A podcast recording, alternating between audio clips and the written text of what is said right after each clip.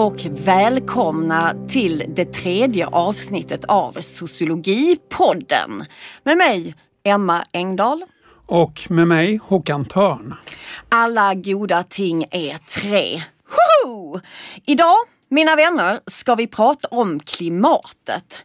Närmare bestämt ska vi prata om vetenskapen om klimatförändringar och hur den förhåller sig till politiken. Vi kommer att prata om det här med Göran Sundqvist som är professor i sociologi och precis har kommit ut med en ny bok med titeln Vem bryr sig? Om klimatforskning och klimatpolitik. Titeln är lite provokativ tycker jag. Vem bryr sig skulle du säga Håkan? Jag skulle säga att väldigt många bryr sig. I höst så har ju FNs klimatpanel som då består av forskare från hela världen, kommit med sin senaste rapport. Och detta har då skett inför FNs klimatmöte i Glasgow som ju precis har avslutats. Vi ska prata en hel del om just klimatpanelen med Göran, vilka de är och vad de har för uppgift. Men jag kan ju säga att det står klart att forskarsamhället faktiskt bryr sig. Men även väldigt många människor bryr sig skulle jag säga. Ja, väldigt många bryr sig och väldigt många oroar sig. Frågan är, hur vet vi att det är så här? Jo, därför att i år till exempel har det kommit ett par omfattande opinionsundersökningar som bekräftar att väldigt många människor över hela världen bryr sig. En internationell forskargrupp bestående av psykologer och psykiatriker från sex olika universitet har intervjuat ungdomar mellan 16 till 25 år och deras resultat visar att 60 procent är väldigt eller extremt oroade över klimatförändringarna. Cirka två tredjedelar uppger att de känner sig nedstämda, rädda och rent av har ångestkänslor. Och hör och häpna, 77 procent tycker att framtiden känns skrämmande och hela 50 procent tror att mänskligheten kommer att gå under till följd av klimatkrisen. Den här oron och ångest kom ju ändå till ett konstruktivt uttryck år 2019 då vi såg de största miljödemonstrationerna någonsin drivna främst då av unga människor i Fridays for Future. Yes! Då hela sju miljoner vid ett tillfälle deltog i klimatstrejkerna. Men inte bara unga utan också vuxna oroar sig. FN presenterade tidigare år också resultat från världens största opinionsundersökning om klimatet, The People's Climate Vote, där över en miljon människor från 50 länder svarat. Och av dessa anser hela 64 procent att världen befinner sig i ett klimatnödläge. Det finns väldigt mycket intressant i den undersökningen att säga mer, men vi ska ändå inte fördjupa oss i det nu. Alltså Håkan, det är mycket illa det här och jag kan inte låta bli att tillägga att det inte enbart rapporteras om känslor av nedstämdhet, rädsla och ångest utan också om känslor av ilska, förtvivlan, sorg och skam, liksom hopp. Jag tycker också att det är intressant att många av de ungdomar som intervjuas känner sig förrådda, ignorerade och övergivna av politiker och vuxna. Varför gör politikerna och de vuxna ingenting trots att vi befinner oss mitt i en pågående katastrof. Det kan Så, man fråga sig. Ja, det kan man verkligen fråga sig. Och jag skulle vilja säga att den här pågående katastrofen går att likna vid syndafallet. Det är till och med så illa att ungdomar känner att de inte vill dö men inte heller leva i en värld som inte bryr sig om barn, djur och natur. Vi ska också ha klart för oss att kronisk stress över klimatförändringarna ökar risken för psykiska och fysiska problem. Om klimatförändringarna förvärras kommer negativa psykiska och fysiska hälsoeffekter som ett brev på posten. Och det är faktiskt så här att unga människor påverkas mer än andra av klimatskräck eftersom att de i högre grad än vuxna utvecklas psykiskt, socialt och fysiskt. Håkan, det finns faktiskt en hel del forskare som hävdar att regeringens misslyckande, för det får vi kalla det, med att göra något åt klimatförändringarna kan definieras som en grymhet enligt lagstiftningen om mänskliga rättigheter. Och även eh, om jag själv inte är direkt ung så undrar jag också varför det gör så lite när så många är mer eller mindre skräckslagna. Ja, problemet är ju just det att de som har makt att göra de förändringar som är nödvändiga inte bryr sig. Eller åtminstone så visar de det inte i handling. Det gäller dels de företag som står för merparten av utsläppen. Climate Accountability Institute eh, publicerade förra året en lista som visar att 100 företag, bara 100 företag, står står för 70 procent av klimatutsläppen. Det är för jävligt rent ut sagt. Alltså... Ja, och inte heller de politiker som har makten att reglera och lagstifta för att minska eller helt enkelt ta bort de här utsläppen verkar bry sig. Om man ser till handlingar och inte läpparnas bekännelse. Det ser vi ju mycket av och hör. Tyvärr. Ett försvinnande fåtal länder agerar i linje med de åtaganden man förband sig till i samband med Parisavtalet. Vi har alltså å ena sidan en klimatvetenskap som belägger att utsläppen är ett resultat av mänskliga aktiviteter och att de får konsekvenser eh, för klimatet och redan har katastrofala konsekvenser skulle jag säga. Och att mm. de inom ett par decennier kommer få ännu mer förödande konsekvenser om inget görs. Och så har vi ingen politik som agerar i linje med denna forskning. Hur kan det komma sig? Alltså det är ju precis det här som Göran skriver om i sin bok. Så jag tänker att det kanske är dags för oss att be honom eh, förklara. Ja, och då säger vi välkommen Göran Sundqvist. Tack. Du har alltså skrivit en bok om klimatforskning och politik. Förklara. Ni har ju introducerat bakgrunden till, till eh, mitt intresse och den här boken nu. Men jag är ju, börjar ganska konkret tycker jag. Alltså det, det, handlar om, om kunskapen, vad vi vet och ni har redan sagt flera gånger här nu att vi vet en massa saker. Men sen handlar det också om, i min bok, alltså, det jag kallar för klimatomställningen. Alltså det är något som ska ställas om och det är samhället som ska ställas om.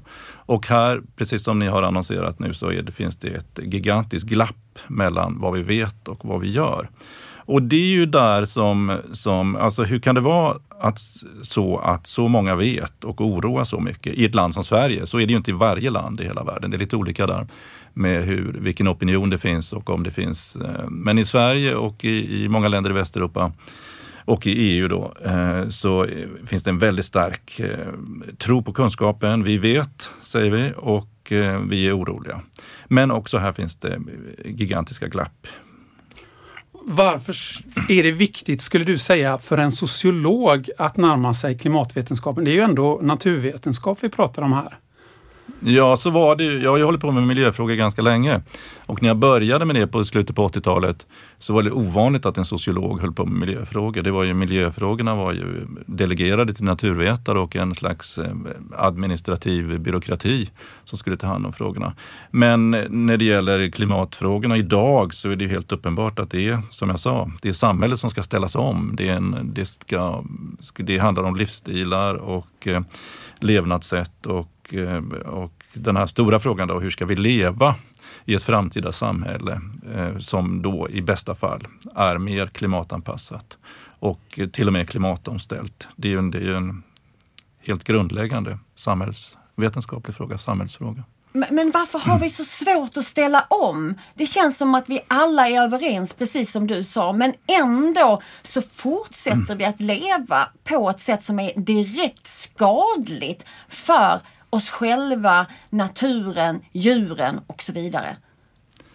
Eh, Planeten, jorden. Alltså det är så lätt och många säger att eh, varför gör vi inte någonting när vi vet någonting? Att det handlar om, om ekonomiska intressen. Alltså hela fossilkapitalismens intressen att vilja fortsätta och, och, eh, och eh, använda fossila bränslen som, som vi har levt väldigt gott på under andra världskriget. De här utsläppsökningarna har ju, de har ju ökat enormt sedan andra världskriget. Vi pratar om att de har ökat sedan industrialismens tid, men det är efter andra världskriget de har accelererat. Det är alltså väldigt kort tid i människans historia som vi har de här gigantiska utsläppen av växthusgaser. Och det, det, vi, vi, sitter fast i det. Det är ju en självklarhet och det är enorma, alltså alla är vi en del av det här, att vi njuter frukterna av någonting som är ohållbart. Men det är inte min ingång och, och försöka förstå dem där, utan min ingång är, jag är, kallar mig själv i boken kunskapssociolog och håller på mycket med vetenskapens roll i samhället. Så min ingång är den här alltså, enkla frågan som är väldigt svår.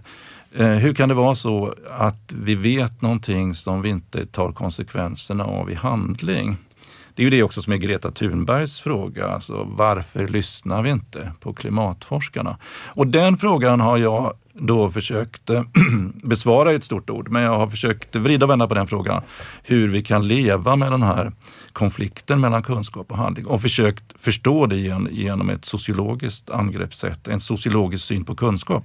Och om jag bara formulerar det i en mening så skulle jag säga så att vi har en vi har en felaktig syn på kunskap när det gäller klimatfrågan. Vi skulle behöva en sociologisk syn på kunskapen. Och vad betyder det? Vad gör en sociolog när sociologen studerar naturvetare som forskar om klimatet? Ja, man kan göra mycket som jag säger som sociolog här. Men min ingång med det här med kunskapen, alla sociologer ska inte hålla på med kunskapen om klimatet, men det är min ingång i de här frågorna.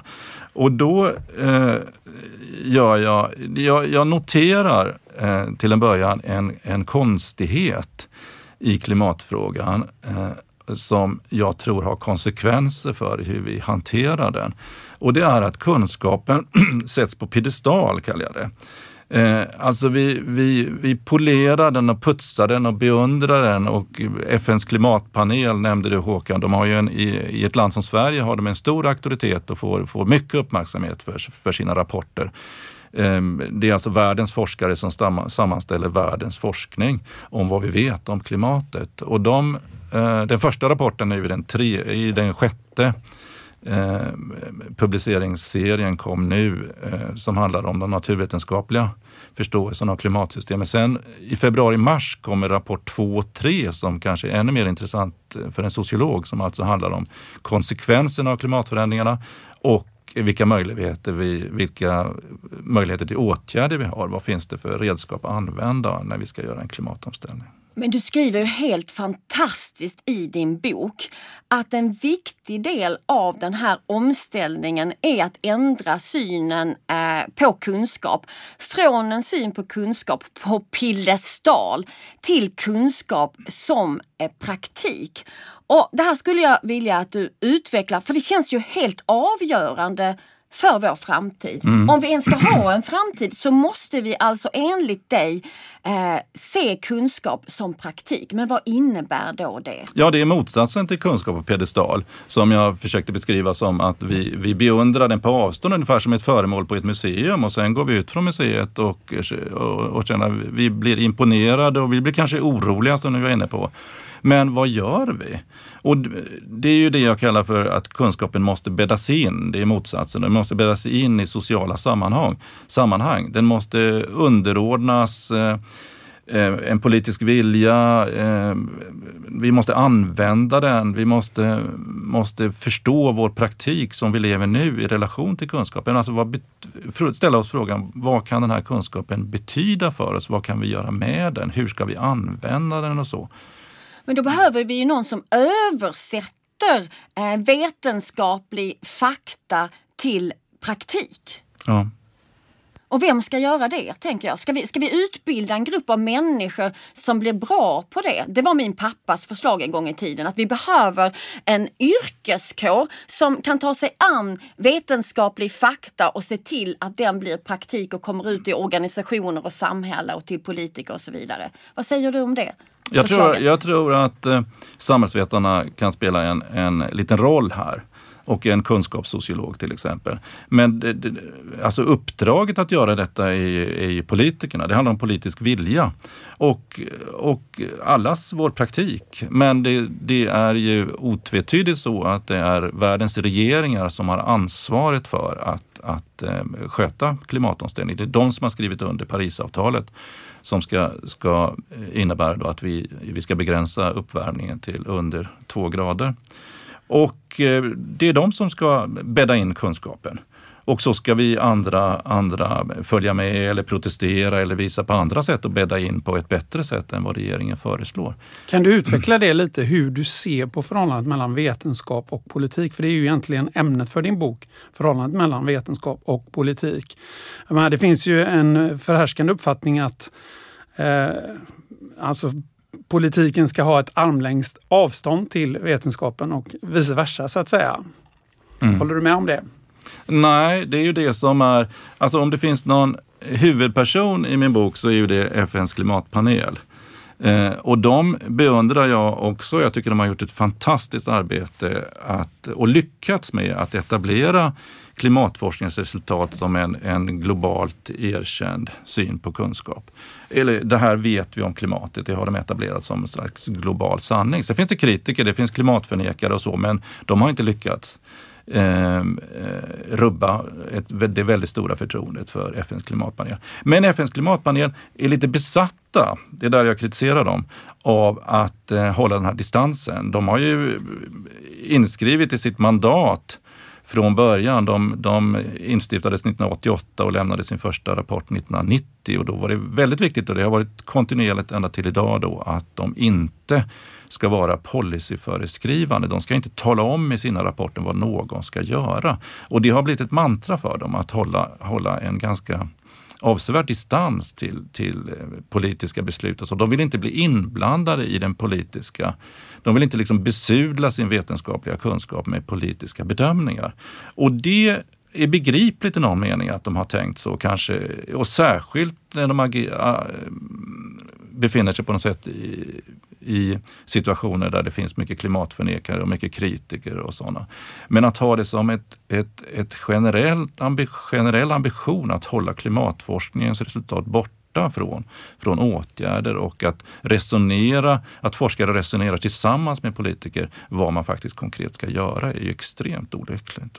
Ja, det är ju rena vansinnet och jag kan inte låta bli att tänka på eh, William James som pratade om sanning. Och då sa han så här att sanning, mina vänner, det är det som fungerar. Det är det som vi kan omvandla till en livsduglig praktik. Och det tycker jag ligger väldigt nära vissa av dina resonemang, även om William James uttrycker det väldigt radikalt så att säga. Ja, det är, det är väldigt fint formulerat. Jag, jag, alltså, och slutresultatet är att eh, klimatforskningens resultat har inte blivit till någon fungerande sanning. Och jag använder själv eh, lite sådana här historiska exempel. Platon eh, finns med på några ställen i boken. Eh, han hade ju, liksom flera av de antika filosoferna, en enorm förnuftstro. Han sa ungefär så här att den, om vi vet det rätta så kommer vi också göra det rätta. Han, en, en, om sanningen och kunskapen har landat i oss som människor så kommer det med nödvändighet att få konsekvenser. Det går liksom inte att gå emot vad man vet. Men det är precis det vi gör. Och då kan vi säga att Platon hade fel. Men jag tror det, det finns något, tvärtom alltså, Platon har rätt. Det finns något, något med Platon som vi inte riktigt tar på allvar. Vi har inte riktigt förstått. Och då skulle man kunna säga att, att eh, klimatforskningen som säger att vi befinner oss i en klimatkritisk eh, situation, den är en sanning, men det är, det är liksom en icke förstådd sanning. Det är en halvsanning som står på piedestalen som inte har blivit då till en fungerande sanning i samhället. samhället. Men jag tänker lite så här att vi inte har förstått att att veta någonting är någonting som är grundat i såväl kropp som i våra känslor. För att verkligen veta någonting, för att kunskap ska bli insikt, så måste man vara emotionellt bunden till den här kunskapen för att agera. Och det tänker jag att kanske Platon missade, men Aristoteles eh, förstod bättre bättre. Och jag känner så här att, ja men herregud, om vi nu ska bry oss om eh, den här kunskapen vi har om eh, miljöförändringar och förstöring och så vidare, så måste det vara någonting med vår identitet och den situationen vi befinner oss i som manar oss att ändra på vår livsstil. Och det finns ju forskning om detta eh, som visar till exempel att eh, när man blir förälder då börjar man helt plötsligt oroa sig mycket mer för miljöförstöring. För man tänker på sina barns framtid till exempel. Och det har ju med identitet att göra. Och när det kommer till män så är det så att de ändrar sig väldigt mycket när de blir fädrar.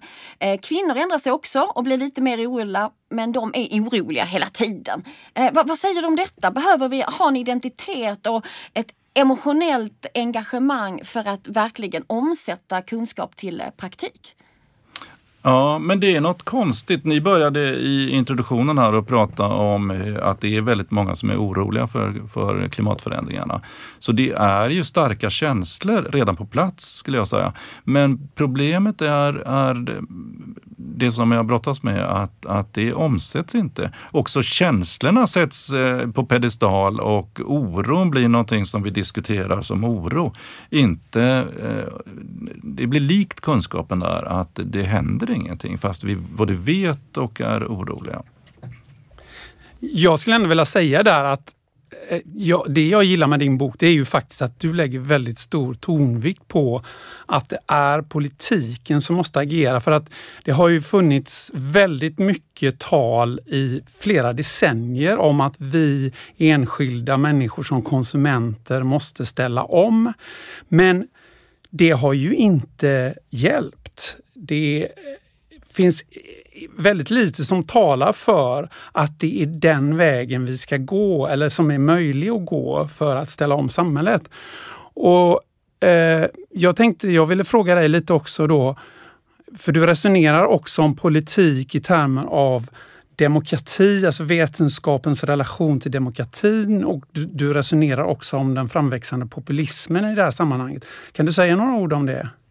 Uh, jag, jag håller, först vill jag säga att jag håller med dig uh, om att, uh, att det är väldigt knepigt att lägga ansvaret på individuella medborgare eller, eller konsumenter att ställa om utan politisk styrning och utan ledning. Och det, det skriver jag ganska mycket om att det är politikernas ansvar. Det är så enligt, eh, enligt formalia. Det är de som har ansvaret och då måste de visa hur, hur, hur samhället ska ledas. Vi, alltså individer och sociala rörelser och så är viktigt och, och, och kan göra jättemycket. Men att, att de ska göra någonting utan att, att det finns de politikerna visar. Det är en total brist på visioner och, och konkreta kartor vart politikerna vill. Utan i Sverige har vi då en, en, ett väldigt världens strängaste mål.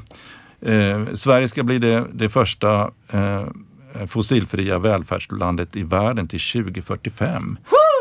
Eh, och det är 20, det, sånt gillar politikerna, sånt gör politikerna, för det är långt borta. Det, det, då kan man vänta några år till och så. Va? Eh, och det, det, märker vi alla, att det, det, är ju inget stort krav eller diskussion om att vi ska ställa om, utan det är vårt eget dåliga samvete, vår egen individuella oro då som ska styra att vi ska ställa om vårt individuella liv utan någon konkret guidning. Det, det, tycker jag kanske i ett land som Sverige då är det mest skrämmande. Och då, när politikerna inte tar det på allvar, då, då kan inte den stora majoriteten och kommer inte att göra det heller. Men det här med demokrati och populism? Ja, eh, ja eh, det, det, kanske, det, går, det är flera ingångar på, på den frågan. Och eh, jag menar att eh, populismen får en, en, en göds lite grann av att forskningen ställs på piedestal.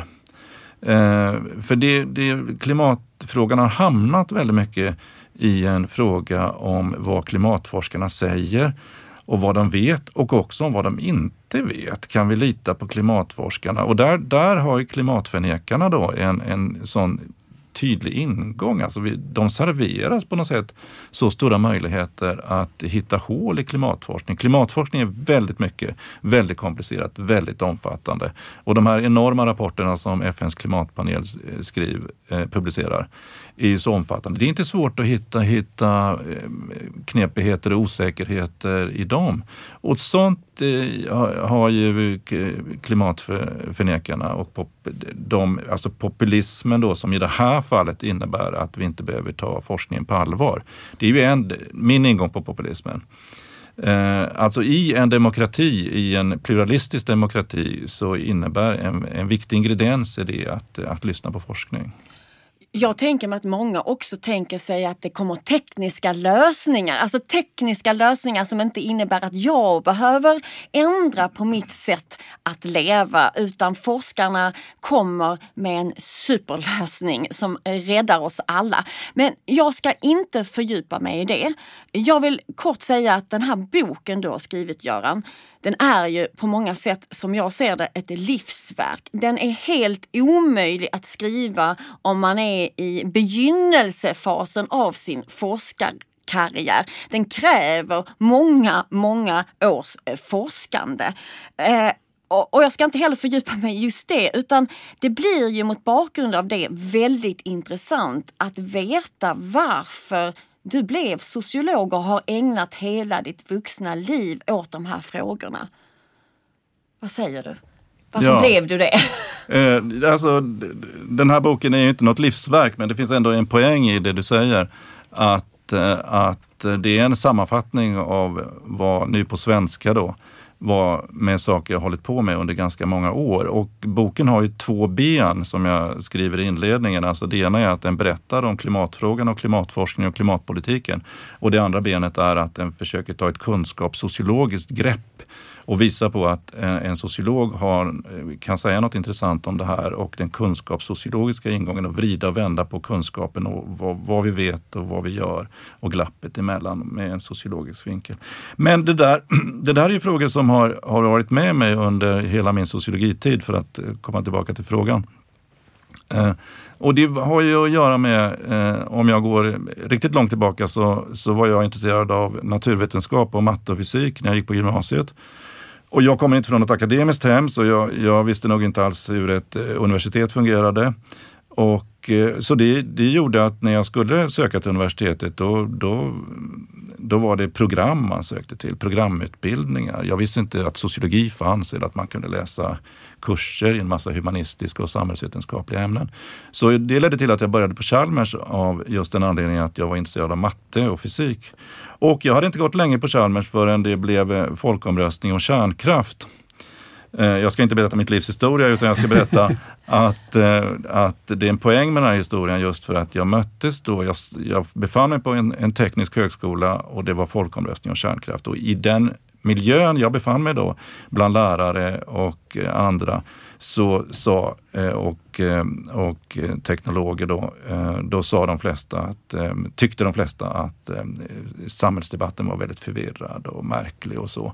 Och folk uttalade sig om en massa saker som de inte visste något om det är vi här på högskolan som kan vet hur man klyver atomer och bygger kärnkraftverk och så. Så snart har väl den där, den där politiska debatten blåst över. Och det där gnagde hos mig på något sätt, alltså att man förnekade, man accepterade inte att någon satte in de tekniska frågorna i ett bredare samhälleligt politiskt sammanhang.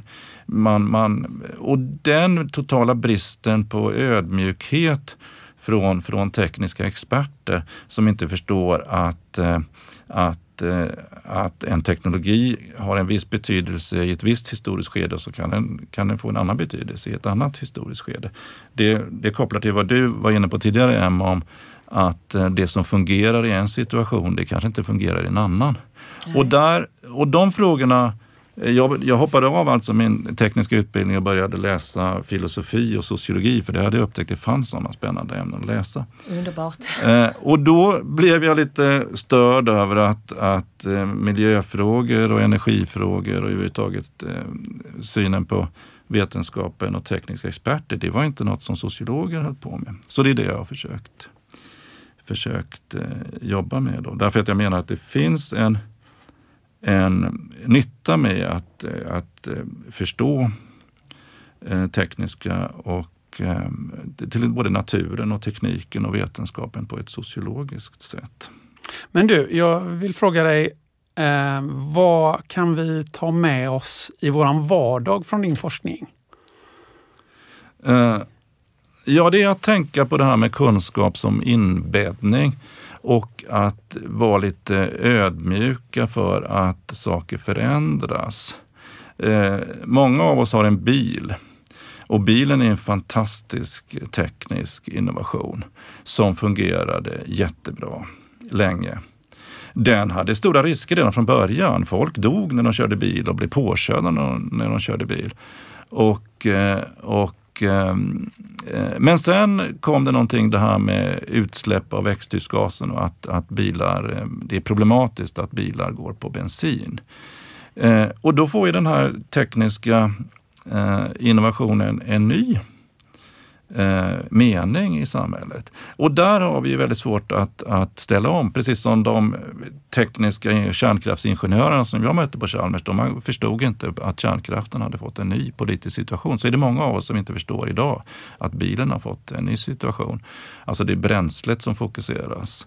Och eh, det där eh, är ju sånt som, som intresserar mig och som jag tycker borde intressera alla. Det handlar på något sätt om hur ens livsstil och, och de tekniska pryttlar man använder och den kunskap man har, eh, den förändras utifrån att samhället förändras och får ny betydelse i nya situationer. Och då tänker jag att när vi har kommit till den insikten som du vill delge oss också, så talar vi om det för våra politiker. Ja. Men det finns en enorm tröghet här. Det är ju det som eh, jag, jag, eh, innan jag började sociologi så stötte jag på det här med paradigmskiften och Thomas Kuhns fantastiska bok om vetenskapliga revolutioner. Och det, det han trycker mest på i den, det är ju att, att byta paradigm, det är inte som att byta en skjorta. Utan det tar, alltså generationerna måste dö. Man dör med sitt paradigm. Och det är ju dåliga nyheter för klimatomställningen. Det betyder att vi som är uppväxta och idag fortfarande har en fossildriven bil, vi kommer att dö med den. Kollektivt självmord för oss gamlingar. Mm. Men, men det, det vi måste jobba med allihopa och det är där det också kopplar till vardagslivet och den konkreta politiken. Det är att vi måste spida upp accelerera eh, paradigmskiftena och förstå att den här fossildrivna eh, livsstilen, den, den har vi inte råd att dö med. De insikterna är ju, är ju spännande att tänka i relation till vardagspraktik. Och vi kan också. ju också mm. lära från historien att det har skett paradigmskiften mm. och idag pratar vi om omställningar radikala. Ett annat ord för det är ju revolutioner. Det har vi också eh, sett av olika slag i historien. Så att det, plötsliga omställningar är inte otänkbart. Det här är alldeles för spännande att diskutera men tiden går och nu har det blivit dags för en punkt som jag tycker är superspännande, nämligen litteraturtips från vår gäst. Göran, har du någon spännande läsupplevelse som du vill dela med dig av till oss och lyssnarna? Ja, jag visste att ni skulle ställa den här frågan och då tänkte jag faktiskt på, på Korns bok om paradigmskiften och, och vetenskapliga revolutioner i, i förhållande till klimatomställningen. Men så tänkte jag, jag ska inte ta den, jag ska, jag ska ta den senaste boken jag läste, en roman av eh, Agneta Pleijel som heter Lord Nevermore.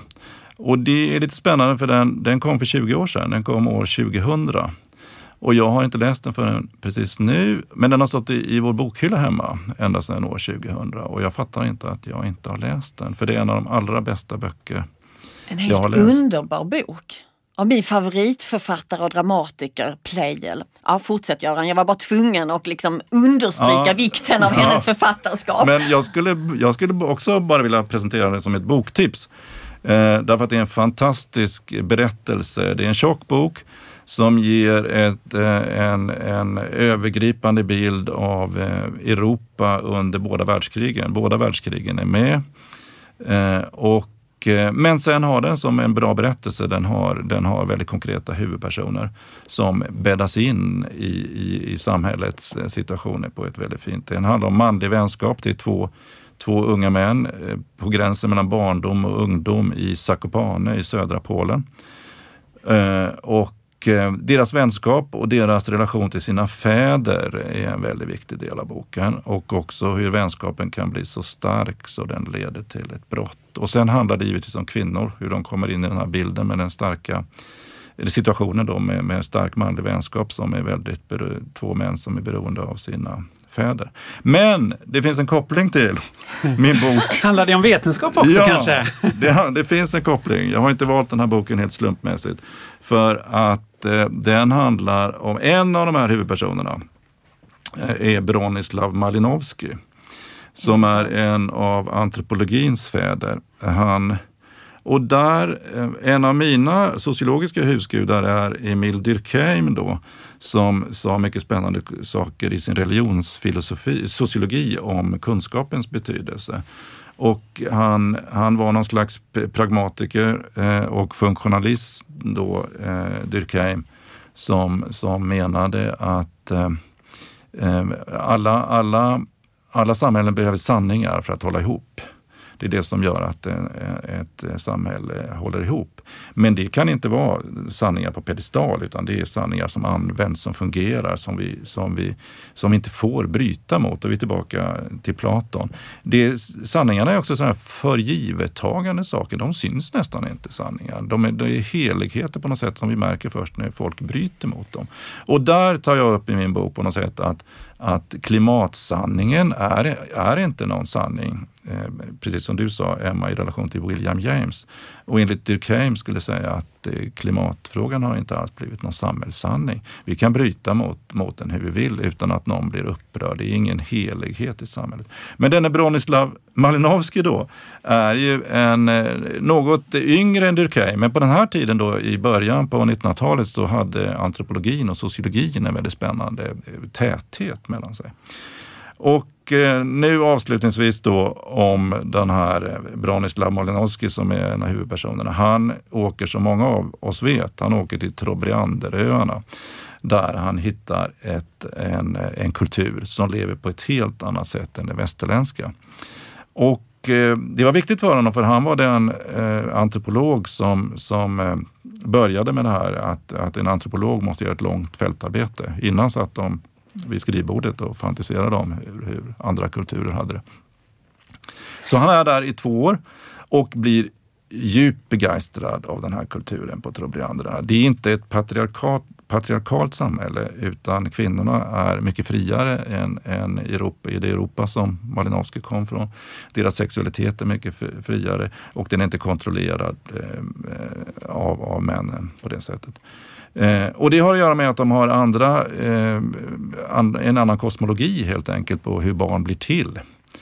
Och, eh, och det, där, det där blir han då djupt fascinerad av. Och och där, det som är spännande med både den här kunskapssociologin och antropologin, det är att den går emot det här framstegstänkandet. Det är inte en kolonial blick då? Nej, alltså. det är, antropologin har ju starka koloniala kopplingar, men det som var, var viktigt med, med Malinowskis forskning och också den tidiga kunskapssociologin, där jag tar Durkheim som exempel, det är att den frigör sig från det här framstegstänkandet och den rationalismen som, som finns i många, mycket samhällsvetenskap också, utan den, den tänker att eh, kulturer är olika.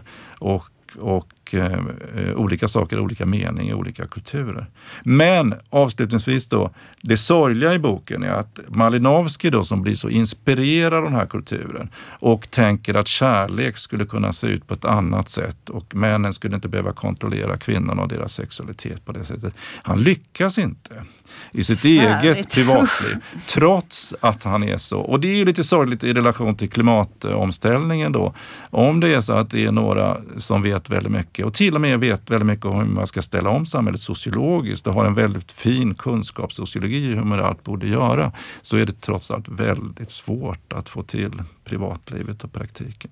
Men jag tänker när du eh, lägger ut orden så här fantastiskt att det är ju bara så här att vår kunskap om klimatförändringar måste göras till normativt giltig helt enkelt i samhället. Så, så, tänker jag.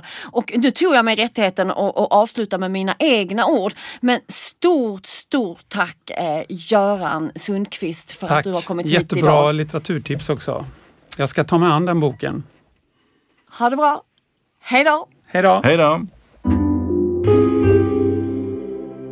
Då Håkan är vi rejält uppvärmda för våra litteraturtips. Håkan, idag är det du som får börja.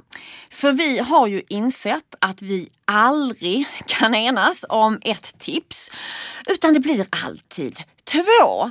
Håkan, ja. varsågod. Alltså ja, och, och i de två tidigare poddarna så har vi ju hållit oss till klassiska texter. Mm. Men idag har jag valt en bok som kom ut 2015 faktiskt. Och den knyter an till vårt samtal som vi just haft här med Göran och eh, boken heter Climate Trauma. Och den har undertiteln Foreseeing the Future in Dystopian Film and Fiction. Och den är skriven av E. Ann Kaplan. Och jag börjar med ett citat. Gör så. I suggest cultures may now be entertaining a new era in which pre-trauma is pervasive in the public sphere. In this new era, media of all kinds, journalism, the internet, television, film, and literature offer catastrophic future scenarios. In these scenarios, audiences are invited to identify with future selves in uncertain, dangerous and ultimately unsustainable worlds. Mycket spännande Håkan.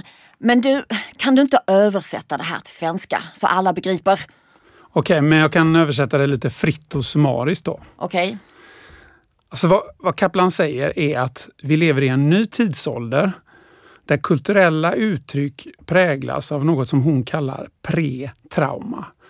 Journalistik, film, litteratur är överlastade med katastrofscenarier. Och I de här scenarierna så bjuds vi in att identifiera oss med framtida versioner av våra jag som då lever i en mycket osäker, farlig och i grunden instabil värld. Alltså det här låter väldigt obehagligt. Men vad menas med pretrauma? Eh, det har jag inte riktigt hört talas om tidigare. Posttrauma däremot har väl alla kanske hört talas om? Ja, och pretrauma ska ju förstås som posttrauma fast omvänt. Det handlar om det trauma som kan uppstå eh, när vi upplever en påtaglig ångest inför framtiden. Jag vet inte om Kaplan har myntat begreppet pretrauma men hon har definitivt varit viktig i att lansera det. Och hon anses ha namngivit en ny filmgenre som då kallas för Future Tense Trauma Cinema. Hur det nu ska översättas? Eh, framtidsorienterad traumafilm kanske? Ja, kanske det. Men vad menar hon med det? Jo, alltså hon tar ju utgångspunkt i en observation i att det finns en ny besatthet i kulturen av framtida katastrofscenarier. Eh, hon har ju definitivt en poäng i det. I, I boken analyserar hon filmer och tv-serier från 2000-talet som The Road, alltså Vägen, Handmaidens Tale, Blindness, Children of Men och The Book of Eli. Massa bra filmer! Ja, och nu är jag kanske ovanligt intresserad av detta men bara de senaste månaderna har jag läst tre nya och mycket uppmärksammade romaner på detta tema. Och det är Ruman Alams, nordamerikansk författare eh, som har skrivit boken Lämna världen bakom dig. Det är den norska författaren Maja Lundes Blå och den svenska författaren Jens Liljestrands Även om allt tar slut. Sen finns det ju faktiskt ett radioprogram i P1 som heter Dystopia och som undersöker allehanda fullt realistiska vetenskapligt grundade apokalyptiska scenarier. Det är stort fokus på framtiden alltså. Samtidigt har vi ju i tidigare avsnitt av Sociologipodden varit inne på att vi faktiskt lever i en pågående katastrof och att ett av de mest framträdande dragen i det moderna samhället är produktionen av katastrofer. Det här är ju något som redan filosofen Theodor Adorno argumenterade för.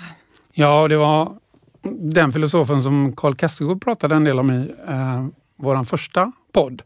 Eh, men jag skulle ändå vilja hävda att den pågående klimatkatastrofen saknar motsvarighet också om vi tittar på den i och för sig katastrofbenägna moderna epoken. epoken. Ja, men eh, Håkan, det var ju precis det här som jag ville understryka. Katastrofen är redan här.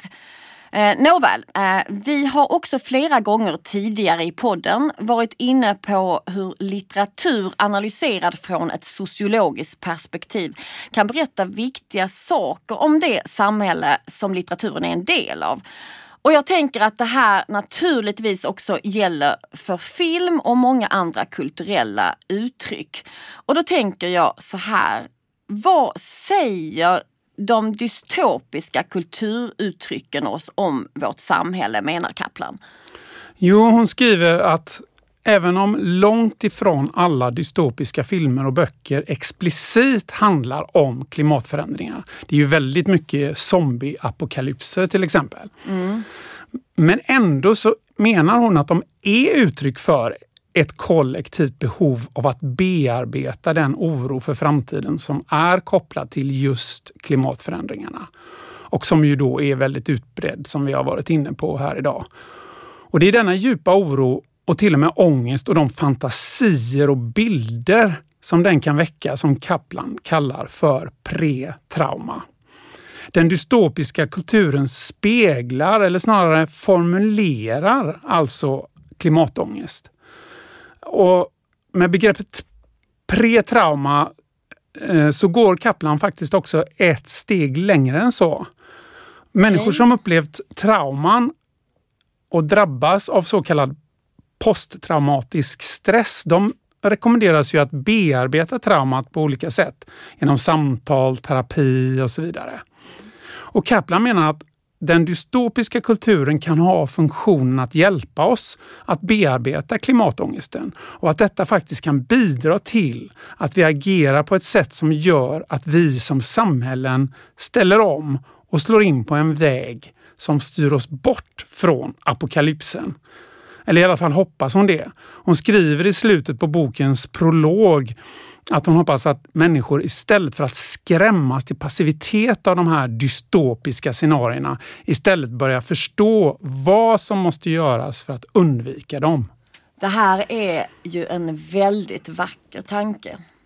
Ja, om jag hör en liten skepsis där så skulle jag nog ändå vilja säga att eh, den kanske inte ändå är helt orimlig. Eh, miljö och klimatrörelsen skiljer sig faktiskt från andra sociala rörelser som till exempel arbetarrörelsen, kvinnorörelsen som ju i de flesta fall har motiverats av utopier, det vill säga att deras kollektiva handlande har burits fram av förhoppningar om en bättre framtid. Miljörörelsen däremot har ofta motiverats av dystopier, det vill säga här har det kollektiva handlandet motiverats utifrån en apokalyptisk berättelse som talar om nödvändigheten att handla för att undvika hotande katastrofer.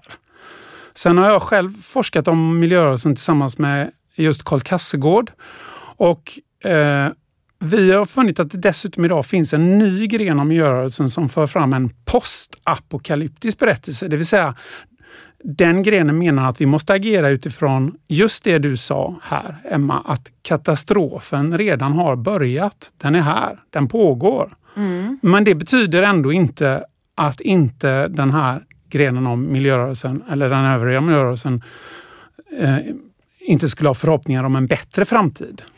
Ja, eh, det här känns hoppfullt. Och kanske är det så att det är först när vi inser att katastrofen redan har inträffat som vi får den här kraften som gör att vi kan göra något åt den. Och innan vi går in på mitt litteraturtips så kanske du ändå ska säga något om vem E. Ann Kaplan eh, är. Ja, hon är litteraturvetare, kulturteoretiker och regissör, bosatt i USA och verksam vid Stony Brook University. Alltså mer än något annat måste man nog karaktärisera henne som filmvetare för hon har skrivit ett tiotal böcker där hon analyserar film. Ofta utifrån ett uttalat feministiskt perspektiv. Men jag skulle vilja lyfta fram något annat i hennes bakgrund än den rent akademiska en, en livsavgörande erfarenhet som hon skriver om i bokens prolog. Berätta. Den ägde rum så sent som 2012 när orkanen Sandy slog till mot bland annat USAs östkust där Kaplan var bosatt.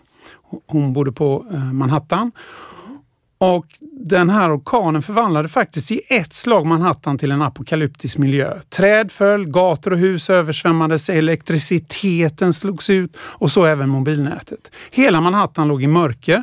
Det gick inte att få någon information och det var omöjligt att kommunicera med någon annan än de som befann sig i närheten. Och hon skriver att alla borde få en lektion i vad det innebär att leva ett liv utan elektricitet.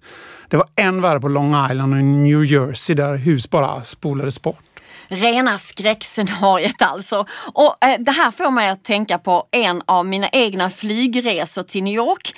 Då ett oväder plötsligt bröt ut, strömmen gick, kabinen blev becksvart. Det enda man såg var blixtar utanför och flygplanet krängde rejält. Folk började skrika hysteriskt och eh, alltså fullkomlig panik eh, bröt ut.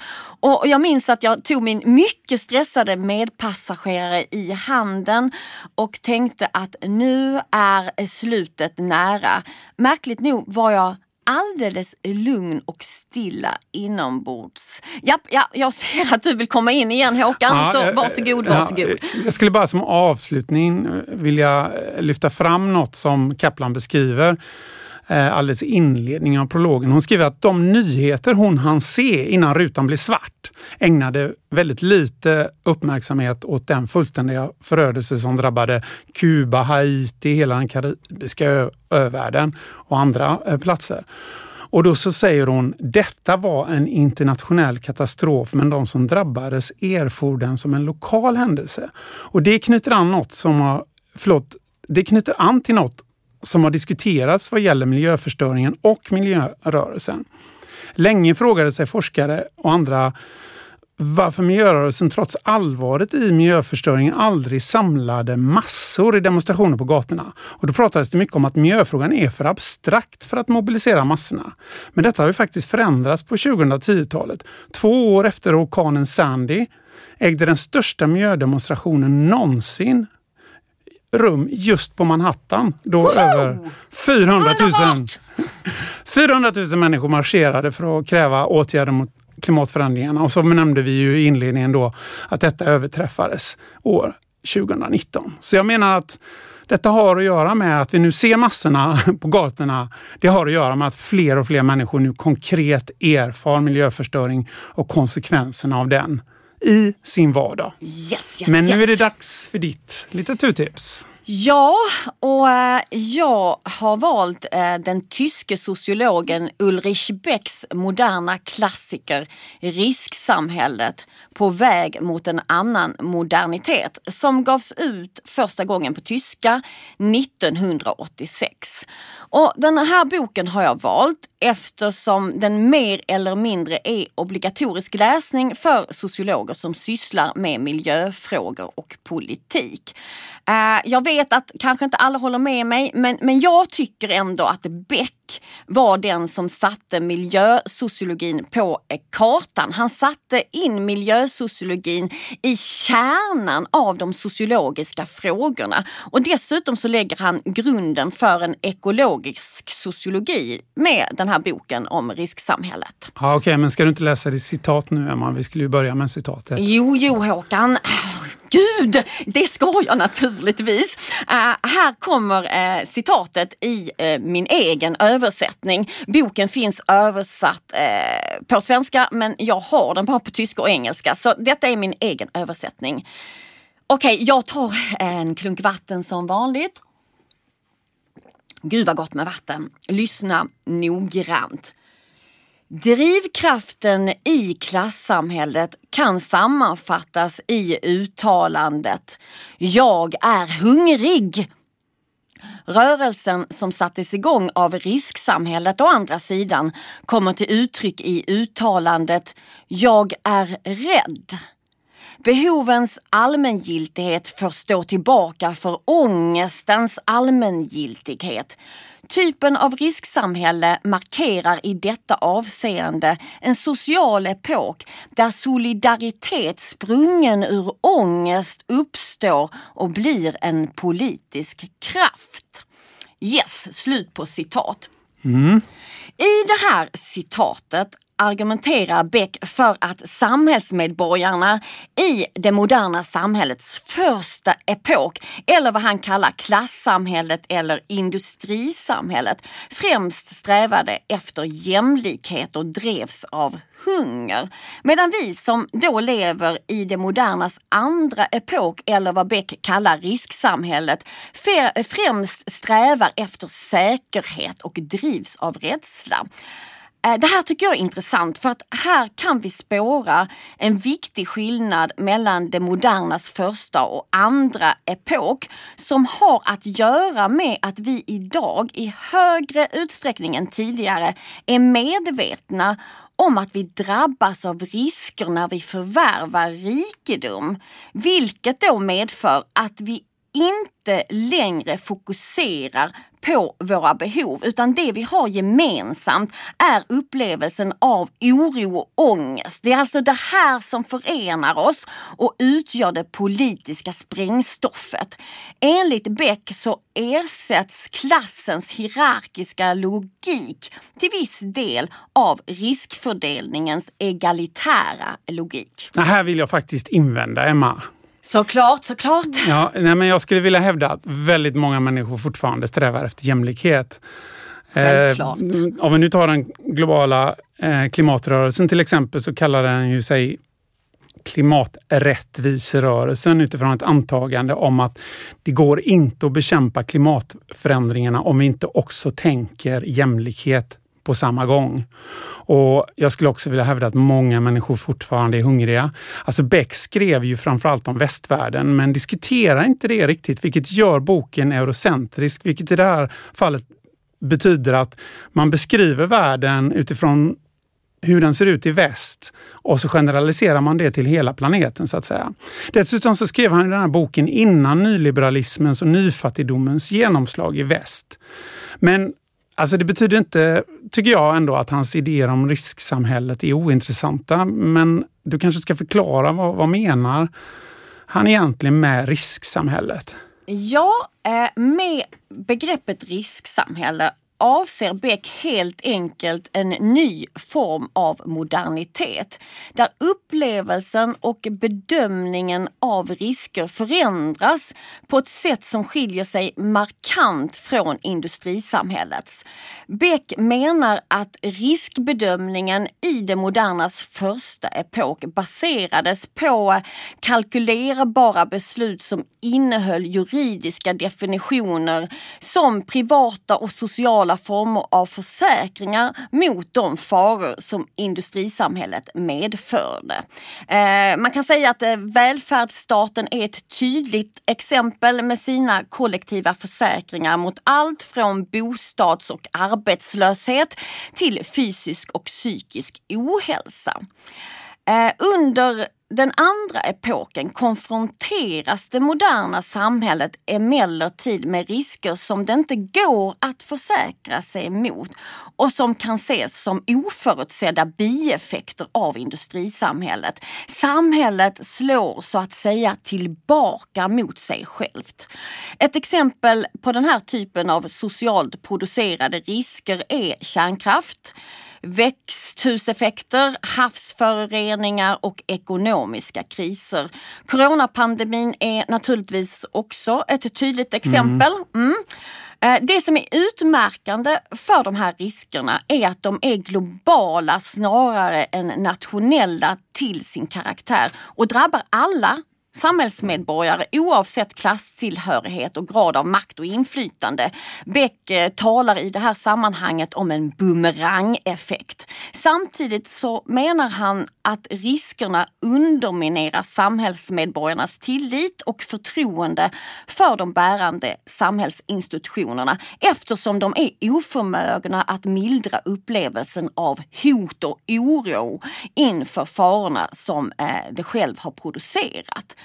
Varje försök till åtgärd riskerar nämligen att generera nya faror. Det låter ju väldigt pessimistiskt men jag skulle faktiskt liksom vilja bita mig fast lite i det här med klassperspektivet. För att menar Beck verkligen att klass tillhörighet skulle ha minskat i betydelse. Jag, jag tycker det är ett helt absurt påstående och, i så fall. Och, och, om du, I alla fall om du frågar mig och en hel eh, del andra sociologer, med för en, en hel bunt andra sociologer skulle jag säga. Ja, ja, ja, ja. Men, men, men lugna dig nu. Alltså, han, eh, Beck alltså, har kritiserats för att argumentera för att klassamhället delvis upplöses i det modernas andra epok och att begreppet klass därför förlorar i social sociologisk relevans. Men som jag uppfattar det eh, eller jag skulle säga som jag, ja, ja men låt mig säga som, som du jag läser honom det. Ja, men som jag läser honom. Så har han eh, aldrig påstått det här. Och på senare tid har han dessutom uttalat tagit avstånd från tanken om ett klasslöst samhälle. Beck skulle nog precis säga som du Håkan, det klasslösa samhället är en absurd tanke. De flesta sociologer är naturligtvis smärtsamt medvetna om att klasstillhörighet fortsatt påverkar våra livschanser och att risk varierar i relation till klasstillhörighet. Eh, risk pekar mer eller mindre alltid ut vägen till fattigdom och andra nackdelar och är därför svår att skilja från klass. Jag skulle vilja säga att det råder en kontinuitet snarare än ett brott mellan klass och risk. Det kan till och med vara så att fördelningen av socialt producerade risker sker i relation till klassförhållanden. Och i så fall då leder till ännu större inkomst och förmögenhetsskillnader än tidigare och på så sätt dessutom kan ses som avgörande för samhällsmedborgarnas livschanser. Det tycker jag ju låter som en, eh, en rimlig läsning. Nu får man ju bara hoppas då att Ulrich Beck inte vrider sig i sin grav, för han gick ju bort för några år sedan, över din tolkning här. Nej, han Men... kommer bara älska mig för jag för hans budskap vidare. Ja, och vi kanske ska säga det också eftersom vi så ofta eh, åberopar klass klassiker här att vi, eh, vi företräder ju inte ett synsätt där man dogmatiskt läser klassiker utan där man tar inspiration av klassiker och tänker själv utifrån dem. Ja, det är absolut nödvändigt att vara självständig och kritisk kritisk tänkare. Men du Håkan, eh, det är dags för oss att sluta nu. Eh, vi okay. måste kanske påa eh, lite för nästa fantastiska avsnitt av Sociologipodden. Det får du göra. Ja men då gör jag det. I nästa avsnitt så kommer vi att prata med en forskare på våran institution som precis håller på att avsluta en extremt spännande avhandling om menssmuts. Hur kan man tala om mens som smuts? Ni vet väl att det inte finns något renare än blod. Eh, stay tuned! Eh, nästa avsnitt kommer alltså att förklara allt om renlighet, smuts och oordning i samhället. Det ser vi fram emot. Yes! Hej då! Hej då!